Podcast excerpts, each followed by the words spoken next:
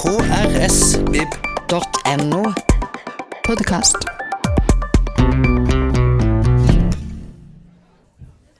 Ja, Hei og hjertelig velkommen til Fredagslunsj. Godt å se dere alle sammen. Jeg hadde en mistanke om at det kom til å bli ganske fullt her i dag. Dagens gjest har møtt over 100 varsler i sin 25 år lange karriere som journalist. Han er en av landets fremste gravejournalister gjennom arbeidet for NRK, Brennpunkt, Dagbladet, Klassekampen og Fevennen. Nå er han altså leder for innsyn.no og har skrevet boka 'De modige historier om varsling'. Så ta godt imot Tarjei Ler Salvesen. Ja, og, og takk for at du ville komme til oss. Ja, tusen takk sjøl. Hyggelig å være her. Um, ditt første møte med varsler skjedde vel i din første jobb? Ja, mitt aller første møte eh, med, med varslere skjedde i en jobb jeg hadde litt nærmere. sånn. Sånn. Eh, I en graveredaksjon eid av Framtiden i våre hender, som het Norwatch. Men det jeg skildrer i boka, er det første møtet med en varsler på første arbeidsdag i NRK. Eh, som er en, en, en veldig sterk opplevelse. Eh, som, som skjedde i, i 2007. Ja. Eh, og som jeg åpner og, og også avslutter boka med. Skal du fortelle noe mer? Det, det kan jeg godt. Um, uh, kanskje ikke alle sammen har lest boka enda. Nei, nei, vi, nei. Nei, eh, vil du spare det, uh, til boken. eh, det, det var en ambulansesjåfør Ja, i Oslo. Eh, det var, jeg hadde fått eh, adgangskort til NRK og eh, PC eh, to timer før dette første kildemøtet. Eh, og det, det lå liksom og venta på meg. Redaktøren hadde arrangert dette her. da. Eh, det var en sak de ville ha undersøkt. Eh, og han kom og fortalte en veldig sterk og veldig spesiell historie om eh, eh, akuttmedisinsk forskning som pågikk i Oslo på det tidspunktet. Eh, man ville prøve å finne ut mer om eh, intravenøse medikamenter eh, burde gis i gjenopplivning utenfor sykehus eller ikke, eller om man kunne øke overlevelsesprosenten hvis man konsentrerte seg om hjerte-lungeredning og defibrillering.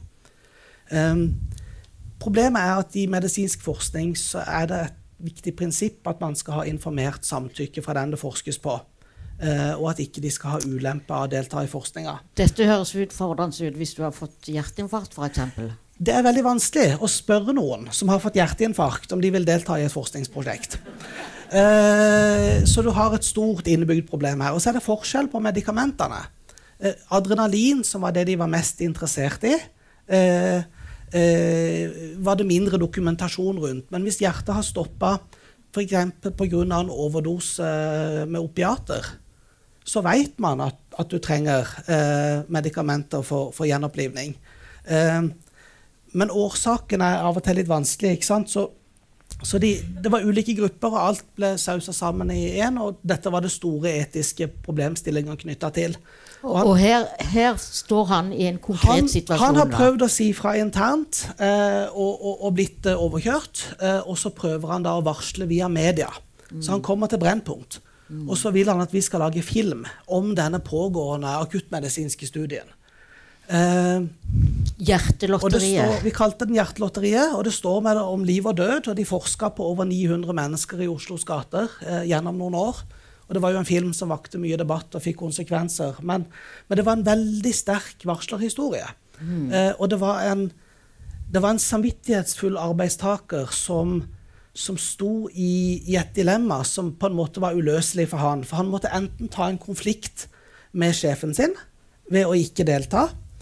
Eller så måtte han bryte det han mente var lovverket og de etiske retningslinjene for sin profesjon. Hvis han skulle eh, la være å føle samvittigheten sin og høre på sjefen. Eh, og det dilemmaet der, det, det lå og dirra litt i bakhodet når jeg dekka en rettssak her i Kristiansand noen år seinere. Da jobba jeg i Fevennen. Og så dekker jeg da eh, rettssaken hvor to varslere har saksøkt Søgne kommune. Eh, og eh, og eh, i den rettssaken så er det spesielt eh, vitnemålet til, til daværende arkivleder i Søgne kommune, eh, som virkelig åpna øynene mine for noe felles tankegods som er for, for alle disse varslerne. Det du vil vel kaller Catch 22 her? Ja, sakene er helt ulike. Menneskene er ulike. Det er noe unikt med alle disse sakene, men det er noe felles også. Og det som er felles, er at disse varslerne det er arbeidstakere som har et langt over gjennomsnittet godt utvikla moralsk kompass. Og de blir veldig ukomfortable når de får en situasjon hvor de befinner seg i et uløselig dilemma. Eh, hvor de enten må gå på akkord med regler og hierarkiet på arbeidsplassen, eller med det som oppleves som riktig. Og da blir det veldig viktig å si fra. Ja, kan, kan vi ikke si Ja, det sånn litt ja. konkret med hun i arkivet der? For hun hadde fått pålag om å ikke levere ut. Eh, men på den Ja, jeg skildrer, skildrer eh, den scenen i forordet. Hun, hun hadde fått pålegg om å eh, holde tilbake dokumentasjon som handla om en bestemt ansatt, som var en av de som var i retten. Eh, men hun var også personvernombud, og hun visste at vedkommende hadde anledning til, hadde krav på å få utlevert den informasjonen. Så enten så måtte hun begå ordrenekt, eller så måtte hun begå lovbrudd. Og det er det såkalte Catch 22. Det er Catch 22, det er Joseph Hellers klassiske roman. Uansett hva du gjør i den situasjonen, så går det gærent. Uh, og, og, eh, og veldig mange, Det er jo mye rart som kalles varsling i samfunnet vårt, men det som er ekte varsling, har ofte denne type fundamentale utfordringer knytta til seg. Og, og, og de er en viss viktighets... eh, ja, de er, de er ganske viktige saker, da. Mm. Men vi må bare litt tilbake til ambulansesjåføren. For Ja. i forordet så, så skriver du direkte om en episode Mm. han befinner seg i. Bare for vi skal få dette bildet. Fortell om den. Hva han hadde opplevd. Eh, Ja. Ja, en konkret Ja, episode. nei, han, han, og dette var jo med i filmen, så jeg kan skrive om det, og jeg kan snakke om det. Altså, han, han hadde eh, fått en, en oppkall. Han skulle komme og, og, og, og, prøve å gjenopplive en, en, en, en pasient som hadde ringt eh, eh, nødnummeret. Eh, og de visste på forhånd at, eh, at her var det kanskje tale om, om eh, et alvorlig astmaanfall. Når de finner pasienten, så er pasienten livløs og ligger med en ventilator i hånda. Eh, så det er alt tyder på at dette er astma. Og da, da vet ambulansesjåføren at, at eh, her kan adrenalin ha en positiv effekt. Eh, så dette var et av de tilfellene hvor, hvor, en tenkte det er naturlig å gi. Men denne studien var innretta sånn at det skulle være randomisert forskning. Og Det det, står om, det står om sekunder, men her skal alt være tilfeldig. Så da må tilbake i veska og åpne en konvolutt, trekke et lodd. Og det er enten en rød lapp hvor det står nei, eller en grønn lapp hvor det står ja. Og, og de, disse loddene skulle diktere livredningsprosedyren for pasienter som hadde fått hjertestans, og som ikke kunne spørres. Det, det er jo utgangspunktet for hans varsling. Og så, til å begynne med, så tenker han at han har fått en direkte ordre, så han kan ikke gi adrenalin. Så han driver vanlig hjerte-lungeredning og prøver med elektrosjokk og får ikke noen respons. Og så gnager samvittigheten hans, og etter 20 minutter så orker han ikke mer. Og så bryter han protokollen og gir adrenalin og får i gang sirkulasjonen igjen. Så kommer hun inn på sykehuset, og så er skadene i de 20 minuttene blitt så store at hjernen har fått for store skader. Hun lar seg ikke redde. Og han har sett henne dø og tenker at han skylder på studiet. Det er ikke sikkert at en annen innretning kunne gitt et annet resultat. Det får vi aldri vite. Men i hans verden så skylder han på studiet og tenker dette kan ikke fortsette. De skal forske på 750 mennesker til.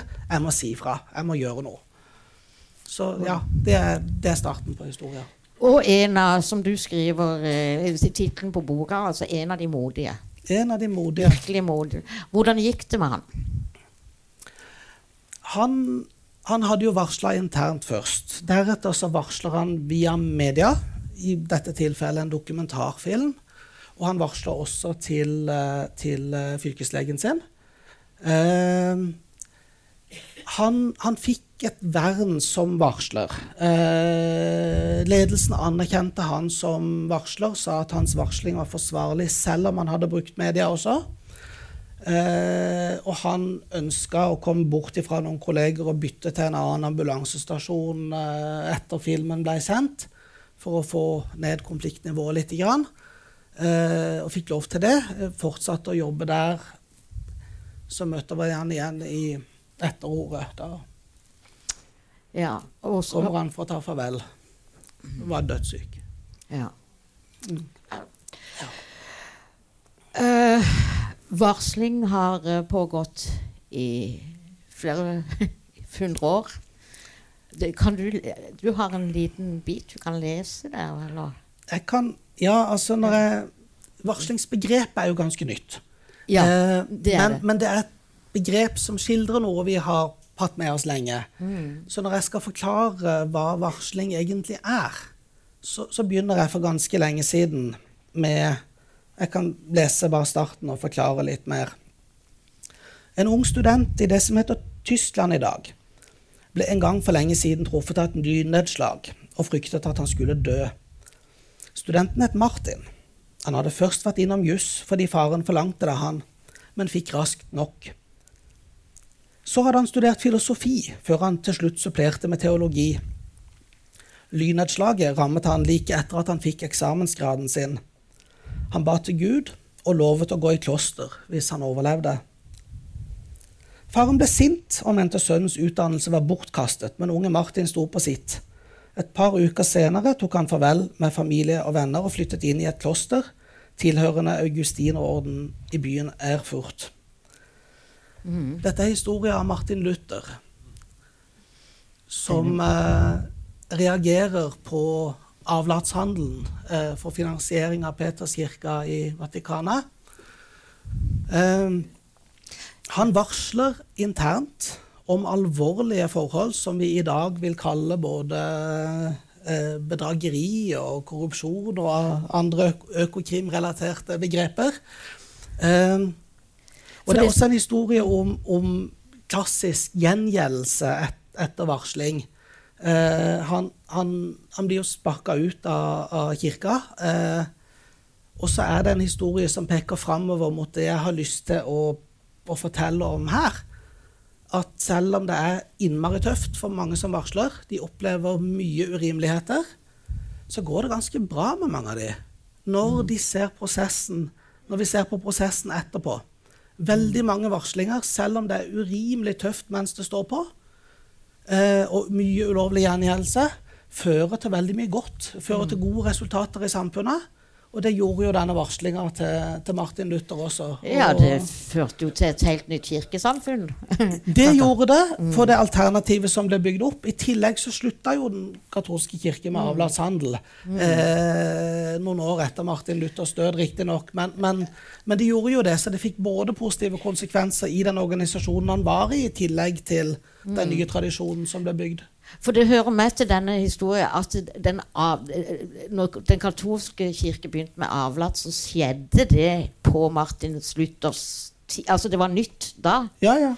Uh, og øh, ja, og så hører det med til saken også at øh, Bibelen fantes jo bare på latin. Men han kunne sette seg inn og fant ingen begrunnelse i Bibelen. vel? Han gjorde ikke det. Og, og, eh, og det er eh, også en Jeg syns det er en litt viktig historie for å belyse ikke bare det gamle, men også det som er aktuelt nå.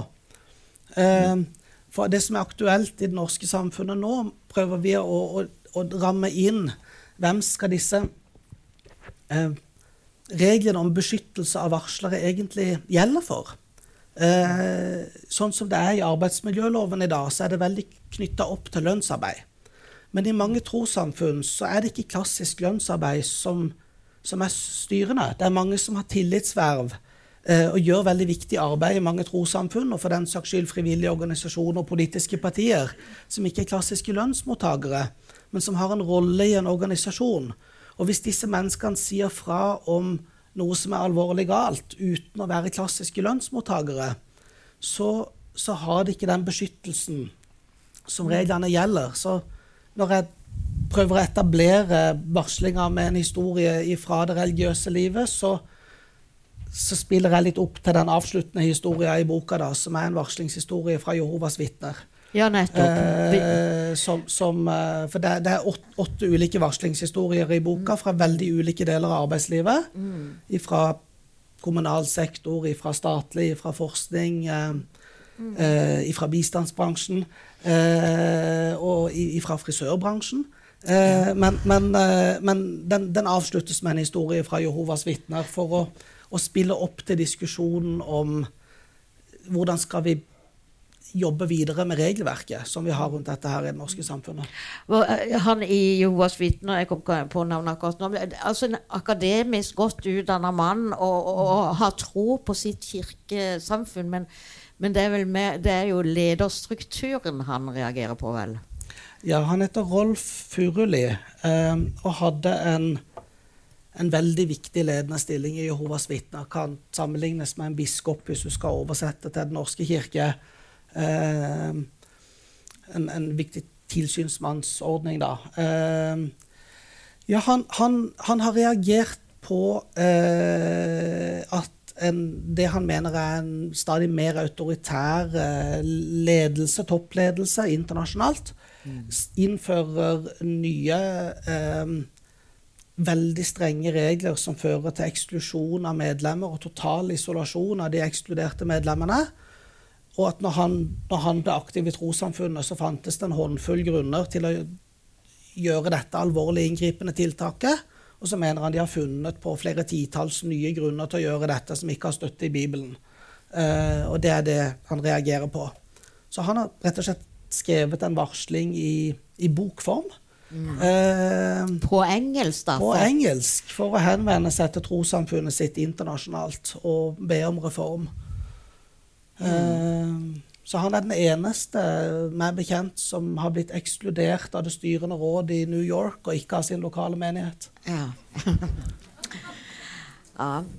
um, Det ble iallfall tatt på alvor. Ja. Eh, Det er litt interessant å se. Altså, vi har i to runder hatt besøk av din tidligere kollega Bjørn uh, Markussen.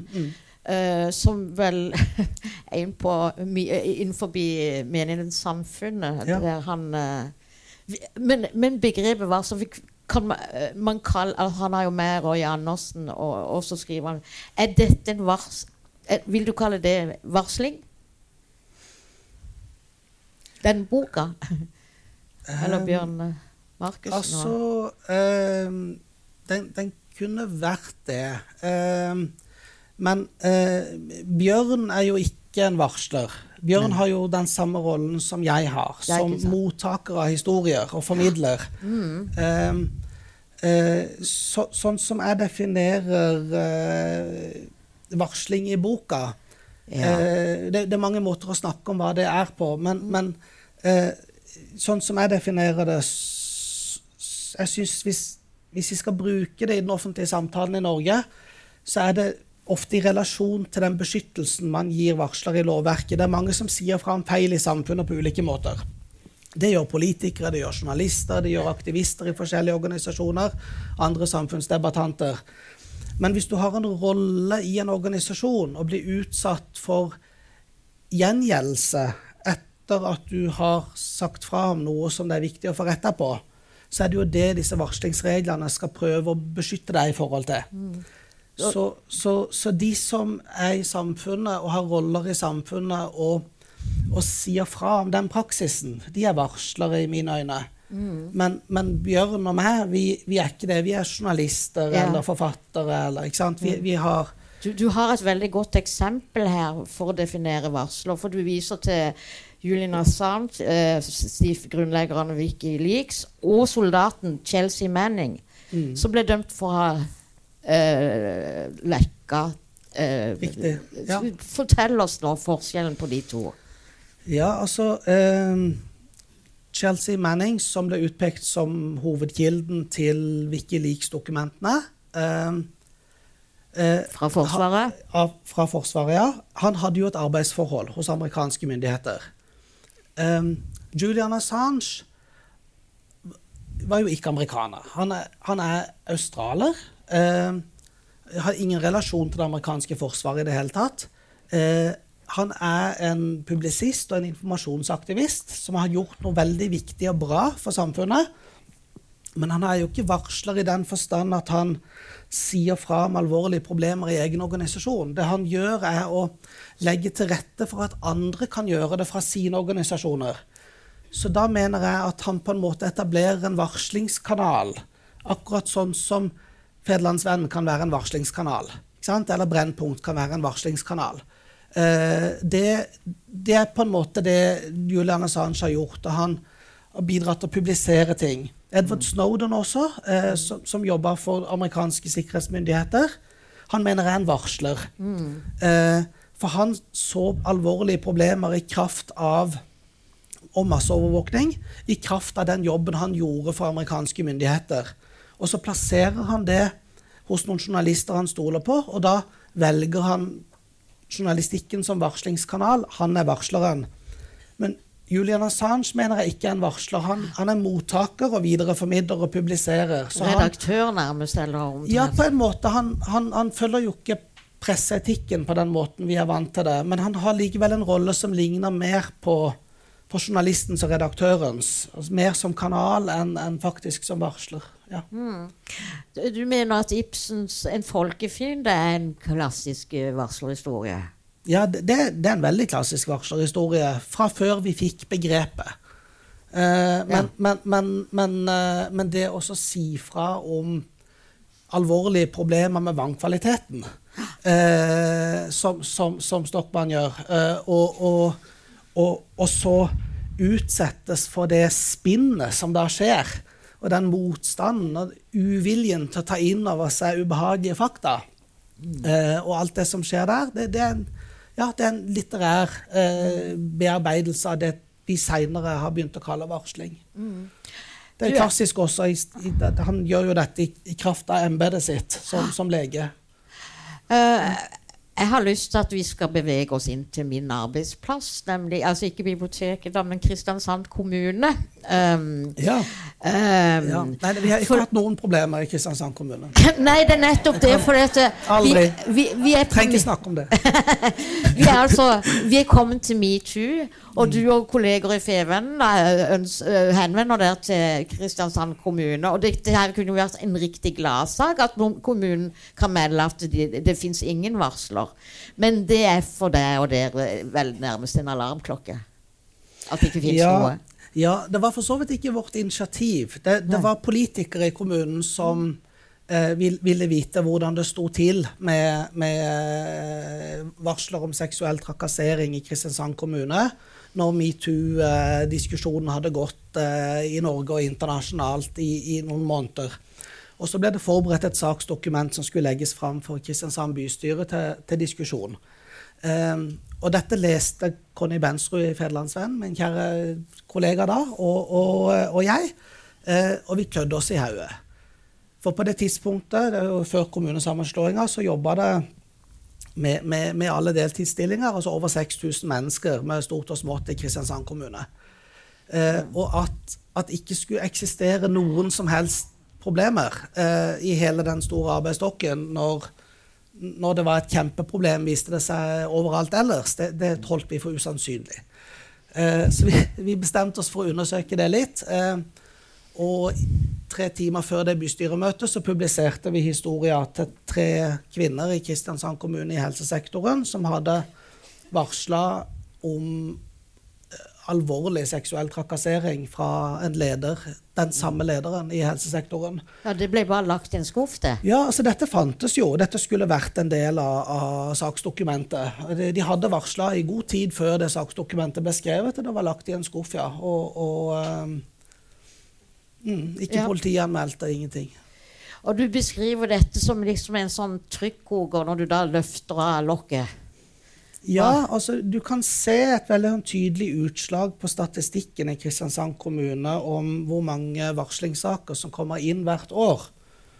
Og når vi kommer til 2018, så spretter det opp fra 7-8 til over 60. Ja. Uh, og det, det var når dere gikk i gang, ikke sant? Ja, så det var jo ikke eh, Veldig mange av de sakene vet ikke vi hva er. Men en del folk leste jo avisa og fikk lyst til å si fra om ting. Så mange av de sakene som kom, handla om eh, mobbing, trakassering. Noe handla om seksuell trakassering. Andre ting handla om økonomiske forhold.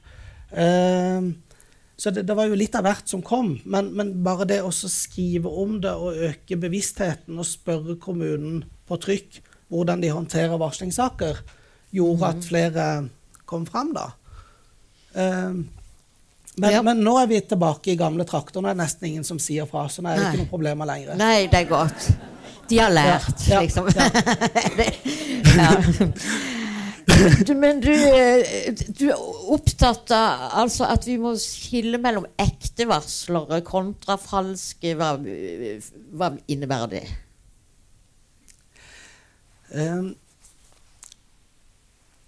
det det viktigste skillet, syns jeg, handler om hva som fortjener å bli behandla som en varslingssak, og hva som bare er, for å bruke et folkelig uttrykk, klaging. Um, hvis det dreier seg om småting, og bare dreier seg om meg sjøl mm. Jeg har krangla med mellomlederen min, jeg får ikke ferie når jeg har lyst, jeg er sur. du, da tror jeg vi hadde fått mange varsler i Kristiansand kommune. Da, da, da, det er ikke en varslingssak. Da har jeg en liten konflikt med mellomlederen min, og så kaller vi det noe annet. ikke sant? Um, jeg, er innom flere definisjoner på varsling, men den er uh, kanskje i denne sammenhengen, belest forsamling her, så vil jeg kanskje ty til den som som er at, at du må forstå en, en, en, forskjellen på en varsling og en mer banal klagesak, omtrent som forskjellen på en banal tekst og en, en roman med litterær verdi. Den må peke utover seg selv. Um, hvis den peker utover seg selv uh, Jeg sier ikke bare fra om er mitt, jeg sier fra om et problem som, som hele organisasjonen trenger å få løst. Mm da, da, er det en varslingssak. Det er egentlig sånn du kjenner det igjen. Mm. Um, så, men en feil som organisasjonen trenger å få løst, kan godt ha gått utover det. Så tar du utgangspunkt i det uh, som ek å eksemplifisere. Så hvis du er offer for et regelbrudd, uh, så kan det godt være en varslingssak. Men du skal ikke bare løse et problem for deg sjøl, du skal løse et felles problem for arbeidsplassen, eller eksternt. Det kan være brudd på personvernregler, det kan være miljøkriminalitet. ikke sant? Men da gjelder det mer enn deg sjøl. Det er ho hovedskillelinja. Eh, og hvis det er en viss alvorlighetsgrad av disse tingene, så, så eh, vil lovgiver da, gjennom arbeidsmiljøloven verne den som sier fra, mot alle former for represalier og foreskriver aktivitetsplikt og omsorgsplikt og bruker den type begreper. Og dette er lovverket vi har, og det er ikke vanntett, og det er veldig mangelfullt fulgt opp i virkeligheten, men, men, men det er nå en tanke bak det fra lovgivers side, da. Og så mener jeg vi kan gjøre det bedre. Ja, for altså når du snakker om eh, represalier ja. det, det, er vel gjentatte historier der man nærmest blir straffa som varsler frøse ut og oppfordre kanskje til å finne på noe annet. ja, nesten alle jeg skriver om i boka, har opplevd ulike former for uh, gjengjeldelse som etter min mening er i strid med lovverket. Men ikke alle. Nei. Uh, men, men, det er fryktelig vanlig. Uh, og og må, vi må få slutt på det. Vi, vi må bygge bedre ytringskultur på norske arbeidsplasser. Vi må øve oss på å snakke om ubehagelige ting i hverdagen, sånn at når det blir alvor og en varslingssak, så kan vi håndtere den uenigheten på en bedre måte enn det vi klarer i dag. Ja, altså, og i disse eh, dager eh, bør vi løfte fram en mann fra Grimstad som altså eh, Habilitetsspørsmålet har vi nå sett i ekstremt mange overskrifter. og eh, Inhabilitet og kanskje økonomisk vinning i politiske situasjoner. Mm. Så eh, spesialrådgiver for rådmannen i Grimstad, Ragna Theis Holvik, hadde en spesiell sak. Det har han, og han har fått et kapittel i boka. Ja, Eh, ja, altså han Han skulle jo bl.a. jobbe med å eh, gjøre Grimstad kommune bedre rysta til, i antikorrupsjonsarbeid. Ja. Eh, jobbe med etiske retningslinjer, jobbe med forståelse av habilitet og rollekonflikter og sånn. Og han arrangerte et, et seminar om dette på Strand Hotell Fevik eh, sammen med organisasjonen Transparency International Norge. Eh, og litt etter det seminaret så, så kommer det en annen ansatt til han med dokumentasjon på eh, alvorlige brudd på innkjøpsreglementet i kommunen hans. Eh, og han eh, eh, jobber som spesialrådgiver, har bl.a. korrupsjon og, og, og misligheter som i porteføljen sin. Han, han, jobber videre med det, samler dokumentasjon, og han, han, varsler. Og det er en historie som strekker seg over mange år. Eh, og For å oppsummere den kort her, så, så, fører det til at han blir fratatt arbeidsoppgaver. Han blir omplassert og plassert på et fjernkontor langt borte fra de andre. Ja, og. Og, og, blir rett og slett veldig dårlig behandla. Og, og, og, til slutt så, så, får han et sånt tilbud han ikke kan si nei til. En type gavepensjonsordning som noen kommuner bruker seg for å, når de skal kvitte seg med gjenstridige rådmenn. Uh, og, og, og, og, han tok til slutt i, i, imot det og forteller om det i boka. Uh, jeg mener jo han langt på vei har, har, fått rett i det han sa fra om. Og det er uten tvil en forsvarlig varsling, det han har gjort. Uh, og jeg, jeg, er veldig klar og tydelig på at det Grimstad kommune har gjort mot, mot Holvik, er langt over lovens grenser i forhold til gjengjeldelse. Det, det, det er en stygg prosess. Ja. Så han, eh, han ble kåra til årets modigste av Kommunal Rapport sine lesere. Ja. Så han har inspirert tittelen på, på, boka. Ja. ja. ja. Uh, men uh, er det som i Kristiansand kommune, nå er vi tilbake med Ingvar Hvordan er det i Grimstad? Har de, har de lært, har de tatt tak i det, eller kan dette fort oppstå igjen i Grimstad? Jeg skal ikke late som jeg er ekspert på hvordan det står til i Grimstad kommune nå. De dukka opp på Arendalsuka i, i sommer og, og snakka vakkert om, om, om tilstanden for åpenhet og ytring i kommunen sin. Og tegner et bilde av hvor, hvor, bra ting er. Ragnar skrev noen kommentarer og tyda på at han var ikke veldig imponert enda. Eh, men, men, men, det er folk som bor i Grimstad, er bedre egnet til å svare på det enn en meg. Eh, det jeg mener jeg kan si, er at, at uh, det skjer stygge feil på alle slags arbeidsplasser. Altså det, det, er ingen i verken privat eller offentlig sektor er fullstendig vaksinert mot dette her, og alle arbeidsplassene må, må prøve å lære litt. Og derfor så vil du eh, at, skape eh, verktøy, for, verktøy, for, beskyttelse av varslere. Hva, hva, tenker du på da? Det er jo på veldig mange ulike nivå. Eh, eh varslingsutvalget til regjeringa, som, som, som, før pandemien la fram sin NOU, de ønsker at vi løfter varslingsbeskyttelsen ut av arbeidsmiljøloven og inn i en egen lov om beskyttelse av varslere. Eh, for å få en anledning både til å gå opp løypa med virkemidlene for beskyttelse, men også definisjonen. At man kan få med folk som har roller i idrettslag og religiøse organisasjoner og politiske partier og sånn også. Uh, I tillegg så, så uh, er det et forslag som de kom med, som jeg syns er en veldig god idé, om å ha et nasjonalt varslingsombud. Som da skal være en institusjon med kompetanse på dette her, som man kan henvende seg til og få veiledning og råd til beskyttelse. Uh, men som også kan fortelle deg at ok, nå har vi sett på saken din, vet du hva, dette her er faktisk ikke en varslingssak.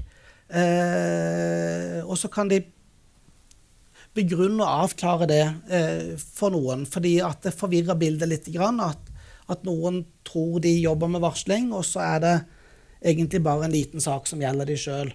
Mm. Eh, så, så det, det, at noen kan se litt innledende på saken og gi en ærlig tilbakemelding på hva som er hva. Det, det, det vil et sånn varslingsombud kunne gjøre, og så hjelpe videre i prosessen de som faktisk driver med varsling. Sånn liksom Hvilken skuff skal dette i? Ja. Og så sånn er det- Og så er det to Legge andre viktige ting, da. Mm. Det ene, som, som også Ytringsfrihetskommisjonen skriver et helt kapittel om i sin utredning i, i fjor, eh, handler jo om hvordan man kan jobbe med ytringskulturen i hverdagen på norske arbeidsplasser. Hvis man klarer å jobbe bedre med det, og, og ha bedre ytringsklima også for vanskelige saker, så vil det vaksinere oss i forhold til de verste utslagene disse varslingssakene får. Um, og det siste er at jeg har en serie med råd til de som står i vanskelige konflikter i, i, i arbeidslivet. Eh, noen er mine, og, og, og noen er fra, fra forskere som jeg refererer til. Sjekklister og ting man må tenke igjennom og forberede seg på den prosessen man går inn i. ja. Fordi den, den enkelte eh, som går inn i en sånn prosess, kan eh, ha fordeler av å tenke gjennom en del av de stegene man er på vei inn i, for å gjøre det litt lettere for seg sjøl. Ja, øh, nå har jeg kom hjem fra Stavanger i går, har vært der et par dager, og der vrimler det faktisk av en frisørsalong som Eller Cutters, altså en stor norsk kjede, som fikk flere varslersaker etter at de bytta til ny håndsopp for de ansatte. Ja, eller ja, desinfeksjonsmiddel ja, under Ja. pandemien. Mm. Ja, kan du utdype dette? Ja, det kan jeg godt. Eh, nei, altså eh, Dere husker sikkert litt hvordan det var eh, våren 2020. Eh, samfunnet stengte ned. Frisørene fikk ikke lov å gjøre jobben sin eh, av smittevernhensyn. Så gikk det en stund, og så kom det en sånn mellomfase hvor de skulle få lov å åpne opp igjen. Men på veldig, veldig strenge vilkår. Eh, og den tida der så løp jo alle sammen rundt og lurte på hvor får vi tak i antibac, hvor får vi tak i munnbind, og åssen er det dette her. Eh, og de som skulle drive frisørsalonger, måtte jo selvfølgelig ha eh, munnbind liggende både til ansatte og kunder eventuelt som mangla, og de måtte ha store mengder desinfeksjonsmidler. Men i denne kjeden Cutters, som er til stede over hele landet, så, så eh, syntes de det var dyrt og vanskelig å få tak i nok alkoholbasert desinfeksjonsmiddel. Så de eh, tok i bruk et middel basert på hydrogenperoksid i stedet for. Ja, som Nå gikk det et sus gjennom salen. Jeg skjønte alle skjønte Mange det kjenner det som et hårblekemiddel. Eh, og, eh, og hvis man eh, eh, tar det på disse sprayflaskene som eh, lager mi, minst mulig størrelse på dråpene som sprayes ut, så blir hydrogenperoksidet hengende i lufta veldig lenge. Og da vil de ansatte puste inn hydrogenperoksid over tid. Eh, det er bakgrunnen for de problemene som da oppsto. Så dette er en varslingssak som handler om å si fra om et veldig håndfast helse-, miljø- og sikkerhetsproblem på mange arbeidsplasser. Så da var det ansatte som ble uh, syke, eh, inkludert noen hovedtillitsvalgte, som er en Ja. av varslerne sjøl. og, eh, og som sier fra om det, og, og, og den historien har fått et, et kapittel her da, for å vise litt mangfold i hva dette kan dreie seg om. Det er ikke bare krangler og mobbesaker og psykososiale ting. Det er, mange av disse varslingene handler om økonomiske forhold, eller veldig veldig håndfaste denne type fysiske problemer på en, på en Ja, for, arbeidsplass. for frisørkjeden eh, ville beholde eh, denne inf- Ja, der skjønner jeg meg. Uh, Ja. uh, de vil beholde den, og det hadde økonomiske eh, grunner også. Ja, ja, og, ja, og det alternativet var litt vanskelig, for de hadde ikke noe av det andre på det tidspunktet. Ja. Så det, det er en eh, det, det, De, de stritta litt imot, og, og, eh, og, eh, og så fjerna de det i noen få salonger, da. Eh, Så, så det er jo det er en sammensatt historie. En av grunnene til at jeg har den med, er at det er en veldig fin historie om fagbevegelsen. Eh, fagbevegelsen er veldig lite til stede i veldig mange varslingssaker. Og mange arbeidstakere syns det er vanskelig å bruke fagforeninga si. Eh, Bl.a. fordi at disse fagforeningene også organiserer ofte noen av de det har blitt varsla på, og lokale eh, tillitsvalgte syns kanskje det er litt vanskelig skvis å stå og sånn. Men, men fagforeninger har potensial til å spille en, en, stor og veldig viktig positiv rolle for varslere og legge til rette for bedre ytringsklima på arbeidsplasser. Men her er da Frisørenes Fagforbund går inn og tar en rolle i dette her.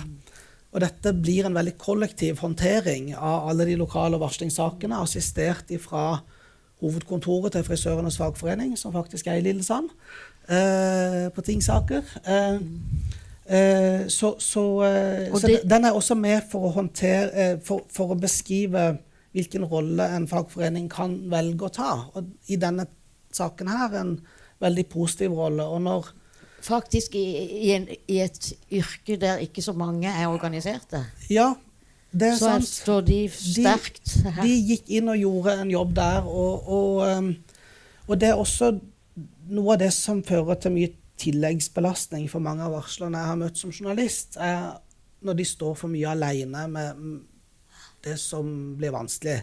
Mm. Man trenger allierte. Men disse frisørene her eh, var jo en gjeng, følte seg som en del av en gjeng. Eh, og det hjelper jo masse. Ja. Men, eh, men, det hører jo med til historien at altså det, folk ble Mange ble veldig dårlig helsemessig, og jeg endte opp ja, som en, ufør. En, en, av de jeg intervjuer, er ufør, ja. Og etter dette. Ja, Kan du si litt om, hva, om helsetilstanden hos henne? Altså, Dorota, Dorota, ble så dårlig, Dorota Dymek, eh, at, at, jeg ikke kunne Vi måtte gjøre intervjuet skriftlig. Hun kunne ikke snakke lenger. Det var lungene, eh, vel? da? Ja, ja, ja. Men hele, hele luftveissystemet. Mm. Ja. ja. Mm. Eh, så det er alvorlige ting. Eh, og, og eh, og andre har slitt med med oppkast og kvalme og svimmelhet og, og sånn. Men, men, det er uh, Det har jo møtt folk i ulike konsentrasjoner, ulik tidshorisont og sånn, men, men, uh, men, på det verste, ja, uførhet som mm. konsekvens av dette. Ja. Nå uh, må vi bare avslutte med én sak her som Altså Nylig så fikk varslerne Karoline og Julie Sandanger tildelt Sola-prisen for sivilt mot. Begge to eh, eh varsla om alvorlige saker om seksuell trakassering og overgrep i Forsvaret. Du har, og, uh, du har også med deg en historie som vi, vil, som vi også har sett i nyhetsbildet. Det er ja. oversersjant Kristian Solhaug. Kristine. Kristine, beklager. Mm. Mm som ble bedt om å lyve. Ja. Kristine eh, jobba eh, i Bardufoss leir. Eh, og eh, jobba i eh, Sambandsbataljonen. Eh, og eh, hun hadde fått en ny sjef. Og de prøvde å inkludere denne nye tilreisende sjefen så godt de kunne, og være hyggelige. Og hun arrangerte et romjulsselskap hvor, uh, hvor, han ble invitert. Dette er jo en sivil setting etter jobb og, og, og, sånn. De hadde en veldig fin fest med stor F, som hun sier. Eh, og, og, de skulle ingenting dagen etterpå. Det ble drukket alkohol der, og det ble tilrettelagt så ingen trengte å kjøre derfra, men de som drakk, kunne få lov å overnatte hvis ikke de ville ta drosje hjem. Eh, denne sjefen, han eh, eh, dro videre til Bardufoss sitt eneste utested eh, den natta, etter å ha drukket eh, kraftig på festen. Eh, og han kjørte bil til dette utestedet. neste morgen blir det funnet en bil i grøfta.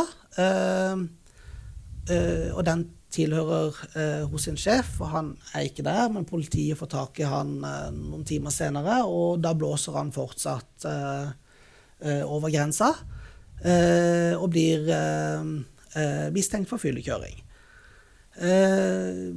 det som da skjer, er at han tar på seg uniformen og oppsøker Kristine på jobb.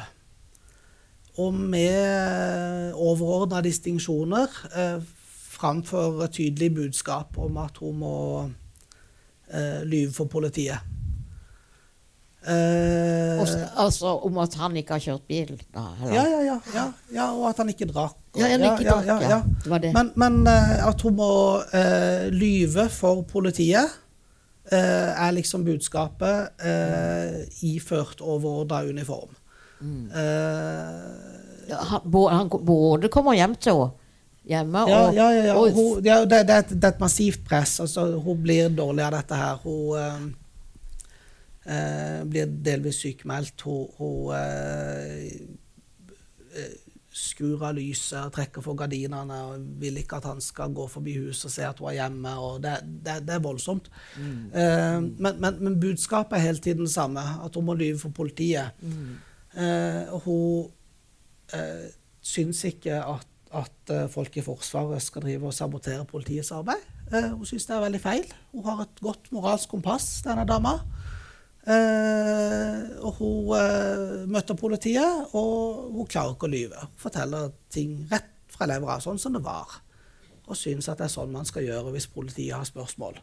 Det, jeg har sympati for det.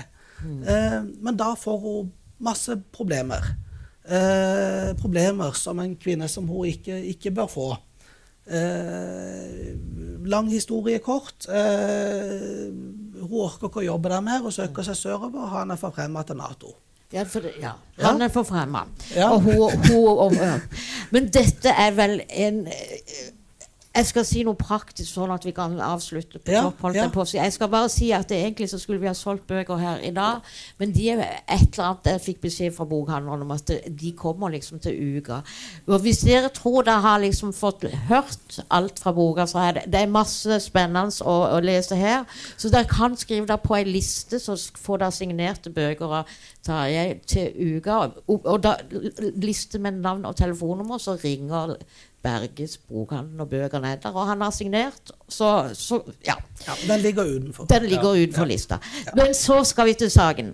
da. At dette skjer igjen og igjen. Og, og at det har vært eh, ikke minst seksuell trakassering og, og sånn sak som dette, da. Men altså de, de som varsler, får det vanskelig i Forsvaret. De som har begått eh, det bruddet, de får seg en bedre stilling. Og, og nå prøver de vel å ta tak i dette. Men eh, til slutt her, altså. Jeg har skjønt at du skal inn og snakke med forsvarssjefen og hans stab til uka. Ja, det stemmer det. Um, det eh, Forsvarssjefen har noe han kaller Forsvarssjefens bokklubb. Hvor, Ja. hvor eh, de, deler av forsvarsledelsen må lese litt uh, bøker som han uh, velger ut. Og så uh, får de snakke med forfatteren. Sitter de i Forsvaret nå med denne? det gjør de. Ja.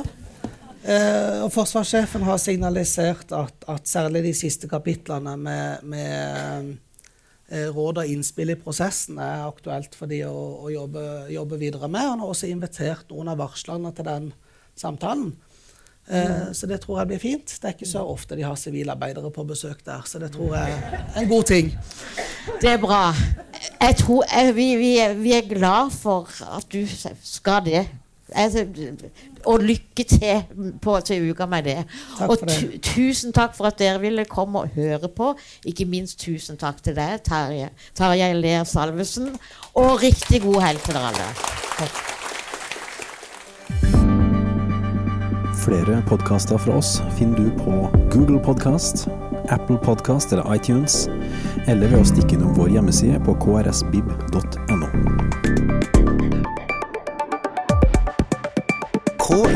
krsbib.no Podkast.